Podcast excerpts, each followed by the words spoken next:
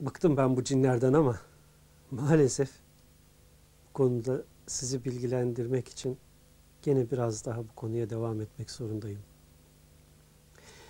Şimdi insanları küçük yaşlardan itibaren kendilerine bağlamak için çeşitli din büyüklerinin suretine girerek kendi insanları aldattıklarını bahsetmiştim. Evvela geliyorlar ben falanca din büyüğüm filanca din büyüğüm diye. Sonra da cin olduklarını açık seçik söylüyorlar veya fark ettiriyorlar. Yani gelenler aslında o din büyükleri değil. Ama bu konuda bilgisiz kişileri rahatlıkla kandırabiliyorlar. Bu bir yol. Bunun gibi bir başka yolda bunların herhangi bir kişiyi bu özellikle hanımlar oluyor. Çünkü hanımların beyni bu tesirleri almaya daha hassas. Bu kişiyi kendilerini falancanın veya filancanın değil bir din büyüğünün ruhu olduklarına inandırmaya çalışarak geliyorlar. Mesela ben Mevlana'nın ruhuyum, Mevlana'yım diyerek gelip kandırıyorlar. E bugün böyle insanlar var. Ama bugün böyle insanlar yokken biz bunu yazdık. Bakın ne demişik bu konuda gene 20 sene evvel yazılan, bugün 9. baskısı yapılan, 10. baskısına hazırlanan kitabımızda.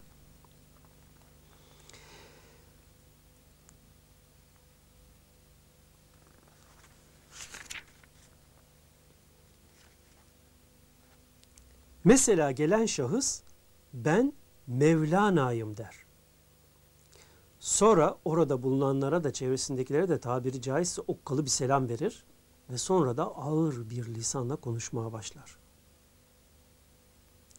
Gerçekten tetkik edildiği zaman görülür ki o uyutulan kişinin kapasitesinin üstünde bir takım bilgiler o kişiden geliyor. İşte bu durumda cinlerin varlığını aklına dahi getirmeyen veya cinlere inanmayan o insanlar otomatik olarak kendilerine hitap edenin o Mevlana veya falanca baba olduğuna inanıverirler.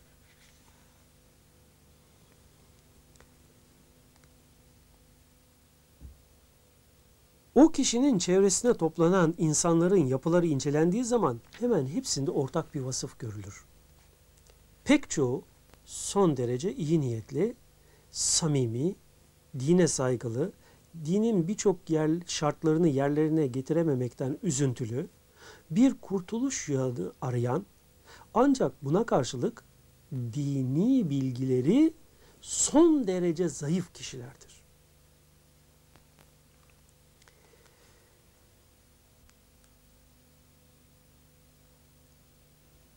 Cinlerin bu şeytaniyetlerini ortaya koymaları esas ikinci safhada görülmeye başlar.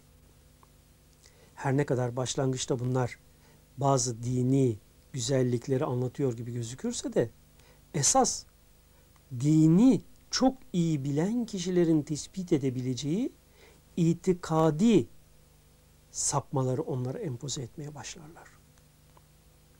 Mesela vahdeti vücut görüşünü anlatıyoruz diye vahdeti vücut görüşüyle hiç alakası olmayan ve hatta tam zıddı olan panteist görüşü onlara empoze ederler. Ve böylece de onların Allah'tan birer parça olduklarını onlara kabul ettirerek sen Allah'ın bir parçasısın. Dolayısıyla dilediğini yap. Dilediğin gibi ye, iç, her türlü haramı işle. Sana hiçbir şey olmaz deyip onları aklın almayacağı yanlışların içine sokarlar. Hatta hatta te tenasuh yani reenkarnasyonu onlara empoze ederek yeniden dünyaya geleceklerini onlara kabul ettirerek bu arada Mevlana'nın bazı tasavvufi sözlerini söylediklerini, empoze ettiklerini şahit tutarlar. Bunların yanı sıra bir de kalemle aldatma metodu vardır. Bu yolda kişi kendisiyle temasta olan cini görmez. Kendisine bir ruh yazdırıyor sanır. Kalemi yazı yazar gibi kağıt üzerinde tutarken kalem kendiliğinden yazmaya başlar. Mesela kendine bir isim takar. Ben Mevlana Celaleddin Rumi'yim. Ey bahtiyar kişi, ey Allah yolunun yolcusu, seni selamlarım diye kalem yazar. Yazan kişi de çevresindekiler de hayretler içinde kalır. Artık kalem kendiliğinden yazmaya alışmış ve bu kişi de bu olayı kabullenmiş, benimsemiştir. Artık ben Mevlana'dan tebliğler alıyorum. Mevlana'dan gelen tebliğleri yazıyorum diyerek inanır ve çevresindekileri de inandırır. Böylece çevresindekiler onun yüksek bir kişi, zamanın ileri gelen velilerinden biri olduğunu söylerler ve o kalemle Mevlana'dan tebliğler aldığını ifade eden kişiyi zamanın büyük bir evliyası olduğuna dair inandırıcı deliller vermeye çalışırlar. Hatta bu arada oradan oradaki bazı kişilerin akıllarından geçen soruların cevaplarını da o kişi kalemle yazar. Bundan sonra falanca lakaplı cin ona şiirler, kitaplar yazdırır. Çeşitli kişilerin geçmişteki yaptıklarını anlatmaya başlar. Ve bu konuda bazı olayları ona anlatırlar, kehanetlerde bulunurlar. Görüyorsunuz bunlar bugünün herhangi bir kişisini muhatap alarak yazılmış, söylenmiş sözler değil. Ta 20 sene evvel yapılan tespitlere, teşhislere göre kaleme alınmış bir kitapta yazılı olan bilgiler. Sizden ricam bu konuları lütfen araştırın, tetkik edin. Nasıl? Basit. Mesela böyle bir kişinin yanına gittiniz. Büyük mertebelerden, makamlardan söz ediyor. Siz onun yanında o size yazdırmış olduğum duayı okumaya başlayınız içinizde. Belli bir süre sonra görüşeceksiniz ki o kişiyi sıkıntı basacak, ter basacak, konuşmaları ahengini, düzenini kaybedecek, cümlelerinde tenakuzlar oluşmaya başlayacak. Zaten cinni etki altında olan kişilerle konuştuğunuz zaman bunu açık seçik görürsünüz. Konuşmasında, cümlelerinde mantıksal bütünlük yoktur. İcabında başta söylediğini 5-10 cümle sonra kendisi tekzip eder, ters düşen anlamlar, ifadeler ortaya sergiler. Bir konuşmasında ak dediğine ikinci bir konuşmasında kara der. Çünkü cinlerde akıl zayıftır. Cinler zekaları güçlü varlıklardır.